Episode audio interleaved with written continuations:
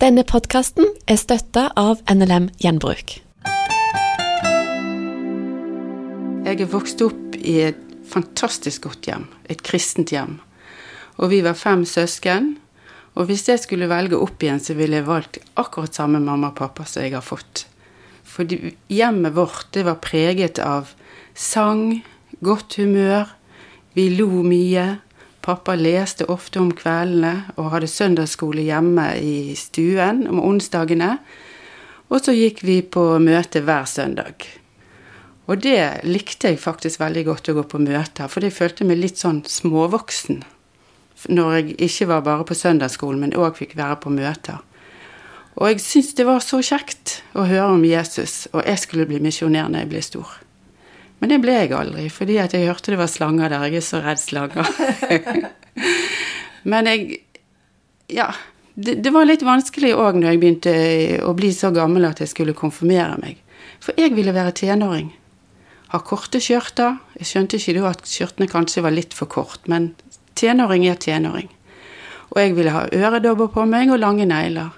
Og hele tiden så fikk jeg høre hm, du har litt kort skjørt. Du har litt for røde negler. Men mamma og pappa sa aldri noe om det. Det er alltid når jeg kom på møte. Jeg var så lei meg. Hvorfor kunne ikke de spørre hvordan har du det inni deg? Tror du på Jesus? Ja, jeg gjorde det. Og jeg trodde veldig på han. Jeg trodde alt som ble sagt. Men når jeg ble konfirmert, jeg, så ville jeg ikke ha noe mer med Jesus å gjøre. Eller å gå på møter. Men lengselen var jo der hele tiden. Hele tiden så søkte jeg Gud, men nei, jeg blir bare skuffet. Nei, da kommer det igjen. Jeg vil være meg sjøl. Og sånn var jeg helt til jeg var Ja, jeg vet ikke. Jeg giftet meg veldig tidlig.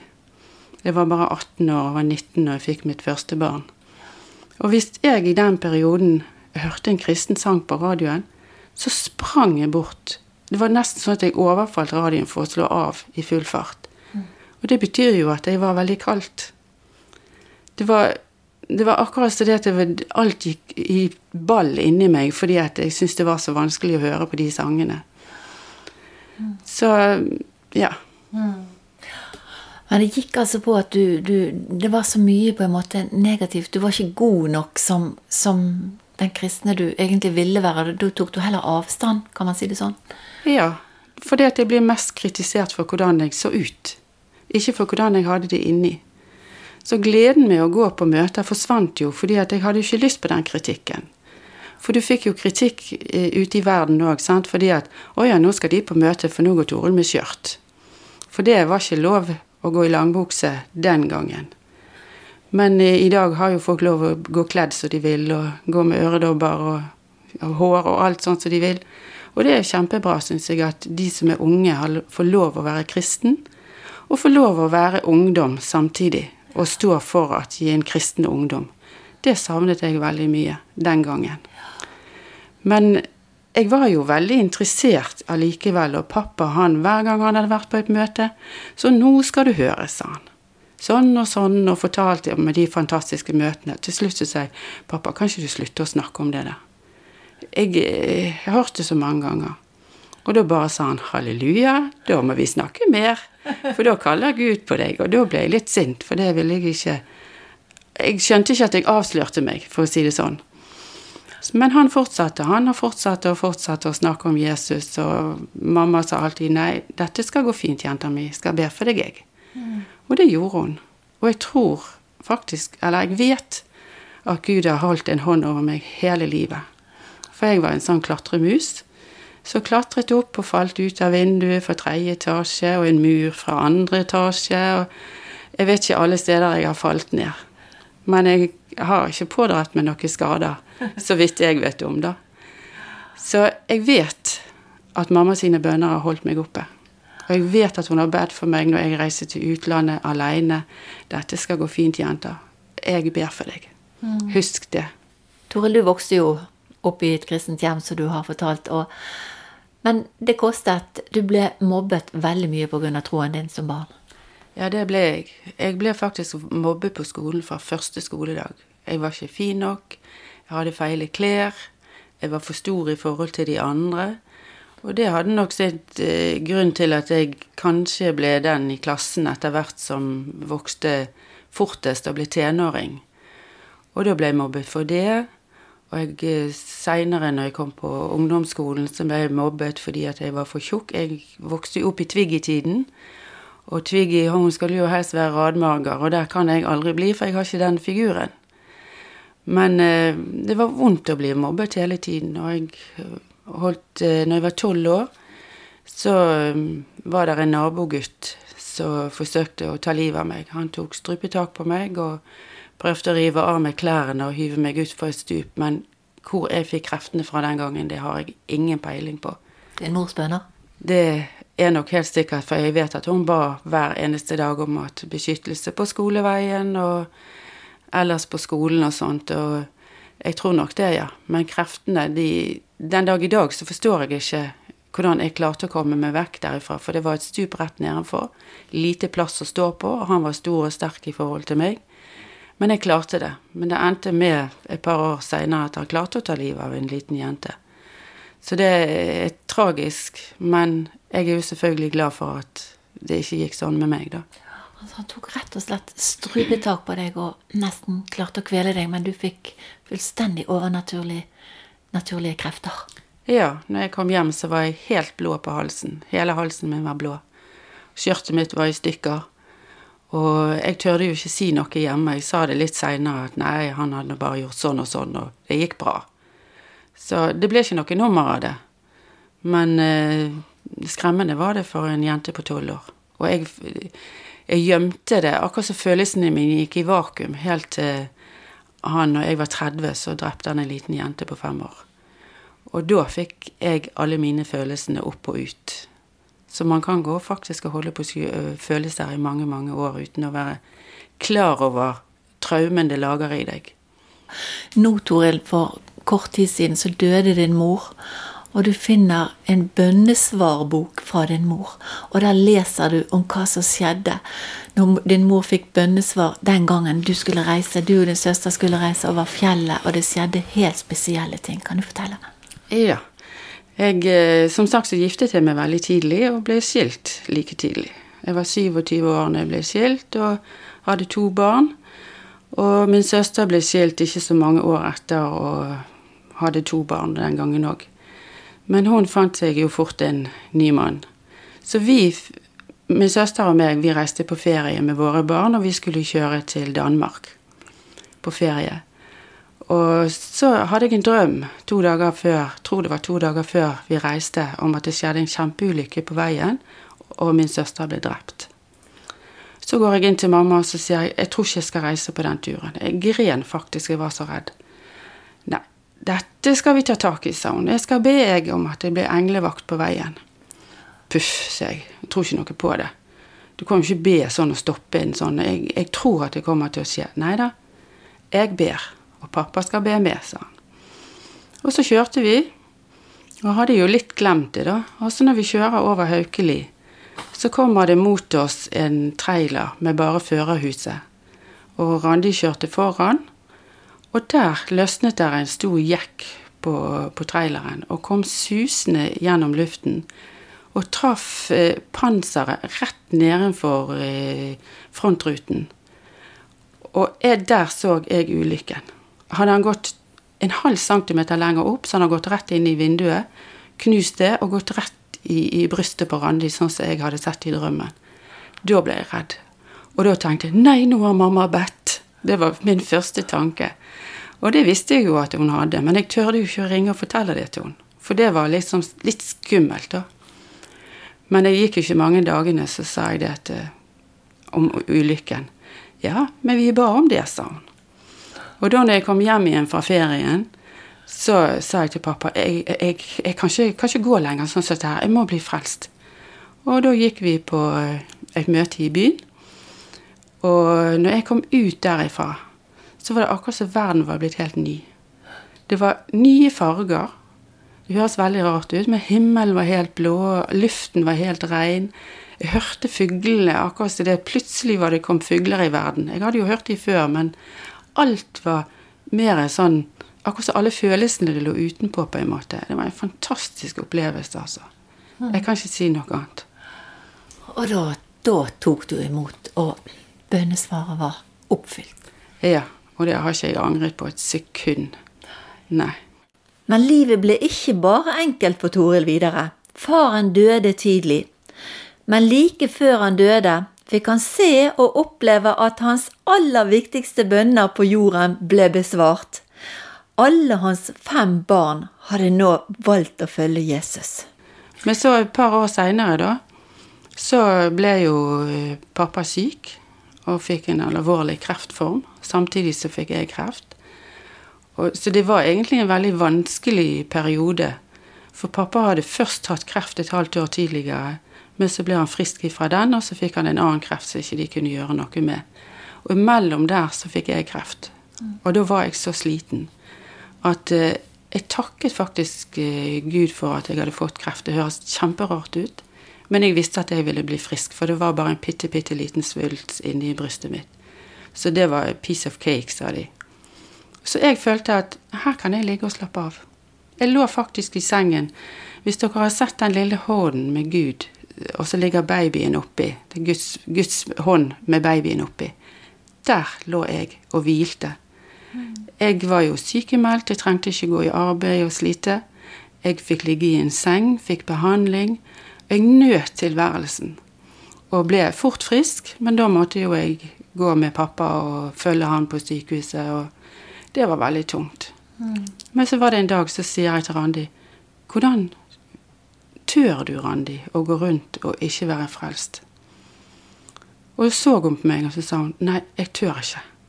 Vi må løpe inn til pappa. Og dette var seint på kvelden, da. Og da løper hun inn, så sier hun pappa, nå er jeg blitt frelst òg.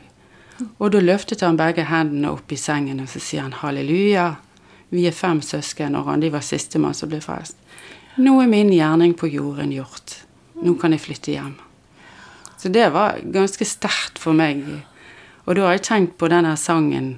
Eh, den har vært veldig sterk, den sangen med 'Det er makt i de foldede hender'. Og den snakker jo akkurat om dette her, du som ber.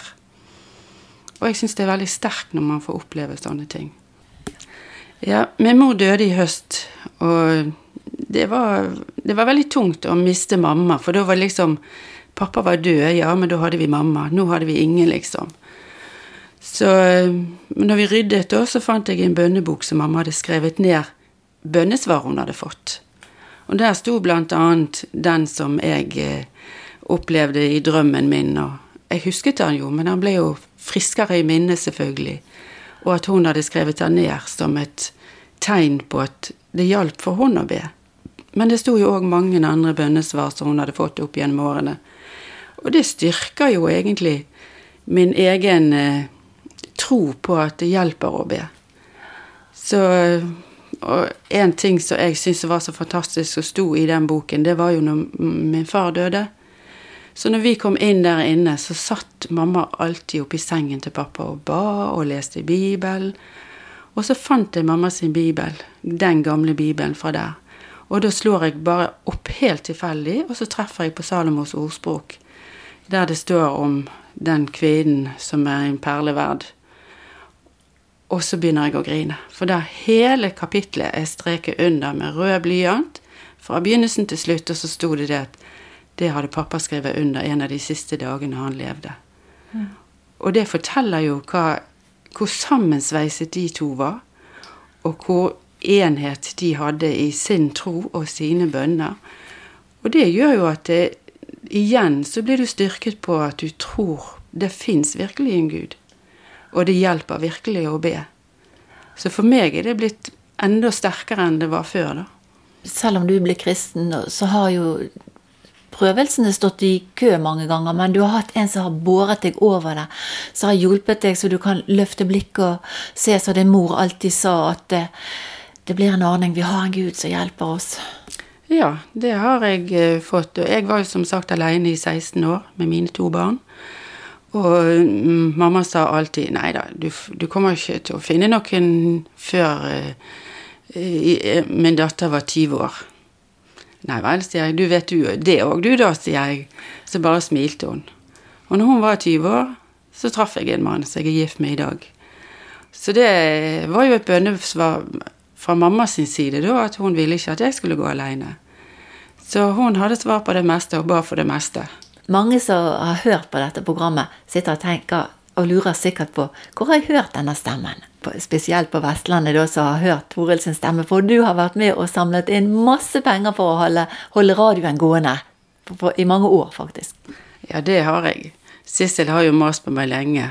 Kan du tenke deg å bli med på radioen når vi har selger lodd? Ja, det kan jeg tenke meg, sier jeg. Og det har vært en så utrolig kjekk oppgave å sitte Jeg hadde litt konkurranse med meg sjøl hvor mye jeg klarte å selge per kveld, da. Men alle de hyggelige menneskene jeg har truffet, for de du ringer til, de er jo for radioen, så det var ikke negative mennesker. For de ville jo gjerne støtte radioen. Og jeg fikk be for mange, og det var masse eldre folk som var syke. og Så jeg pratet jo litt med de og Jeg kunne ikke bare si at jeg ikke kunne snakke med de, men snakket litt med de og ba for noen av de, og de var så takknemlige at det, var, det har vært en velsignelse å være med på det der. Det kan jeg bare si. Så du har virkelig vært med, fått være med å holde radioen gående faktisk i mange år med alt det du fikk bidra med?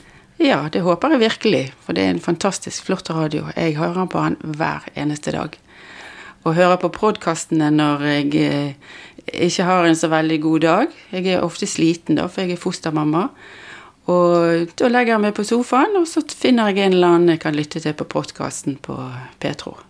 Det er en veldig flott radio, masse flotte programmer og masse flotte mennesker som er med på det. da. Og dette her at du ble kristen, Toril, det har jo vært med å bety, og betyr veldig masse for masse mennesker. I mange, mange år så har du og din mann drevet seniortreff, og der dere får være med og velsigne masse mennesker med både mat og drikke, både åndelig og fysisk føde. Og dette her er jo bare helt utrolig hva du har stått i. Ja, det må jeg si at jeg er veldig glad for. For vi går jo i Krediokirken, både meg og mannen min Helge. Og i år 2000 så ble vi spurt om vi kunne tenke oss å overta. Ja, vi var litt sånn skeptiske til å begynne med, for da jobbet jo han fullt. Og, så vi har hver første onsdag i måneden så har vi et sånt treff. Og vi er rundt noen og tyve stykker som kommer fast. Og det er en sånn velsignelse å ha det treffet hver gang. De kommer med åpne armer og vil gi en klem. Jeg har sagt at ingen får komme på mitt treff uten at de får en klem når de kommer, og en klem når de går. Så det har de gledet Mange sier vi har gledet oss en hel måned til å komme her. Og Helge han er veldig flink til å spille gitar og synger. og reiser lite grann rundt nå når han er begynt å bli pensjonist. Og han syns det er kjempekjekt. Og det er faktisk eh, en slags baby for oss å drive det treffet, for vi syns det er så fantastisk. Og det har vi fått masse tilbakemeldinger på òg, at det, eh, er veldig godt for de, og de gleder seg veldig. Og vi gjør alt vi kan for at de skal ha det koselig, både med mat og drikke, og alle får lov å si noe hvis de vil. De kan synge en sang, eller de kan holde en tale. Og det tror jeg de føler seg så inkludert, at ikke det er bare vi som skal gjøre, men at de også blir dratt inn i det å kunne få vitne eller fortelle et eller annet som betyr noe for de, da. Litt tilbake til eh, din mors og, og din fars bønner. Så du vil oppmuntre lytterne til å stå på om ikke resultat i forhold til Altså, man ber for sine barn, man ber for familie, og det skjer ingenting. Men at man ikke må gi opp. Ja, det jeg kan ikke få sagt nok at det nytter å be. Det nytter faktisk å be. Og jeg husker jeg er jo fostermamma for mitt eget barnebarn og har hatt henne nå i ti år. Og jeg har mange ganger tenkt på at uh, dette er veldig slitsomt. Jeg er ikke en ung dame lenger. Men helt med det samme når jeg gjorde dette, eller fikk spørsmål, så hørte jeg Gud si til meg at 'dette skal du klare, jeg skal hjelpe deg'. Og det var en periode jeg hadde lyst til å gi opp, og da kom stemmen tilbake. 'Husk hva jeg har sagt, jeg er med deg, jeg skal hjelpe deg'. Det er dager som er tunge, men så ber vi, og så snur de, og så fortsetter vi allikevel, for vi vet at Gud har sagt at 'jeg er med deg hele veien'. Og jeg vet at det nytter å be. Har du lyst til å ta del i et sosialt og meningsfylt arbeid? I NLM Gjenbruk kan du bli en del av et godt fellesskap med mange andre frivillige. I alle våre butikker finnes det en kaffekrok, hvor man kan sette seg ned for en prat, vafler og kaffe, også sammen med kunder. Har du lyst til å bli en av våre nye frivillige? Da kan du ta kontakt med din nærmeste gjenbruksbutikk, eller komme innom for en prat. Her er det mange ulike og varierte oppgaver du kan engasjere deg i. Finn din nærmeste butikk på nlmgjenbruk.no. Velkommen til oss. Du har hørt en podkast fra Petro. Du finner masse mer i vårt podkastarkiv på petro.no.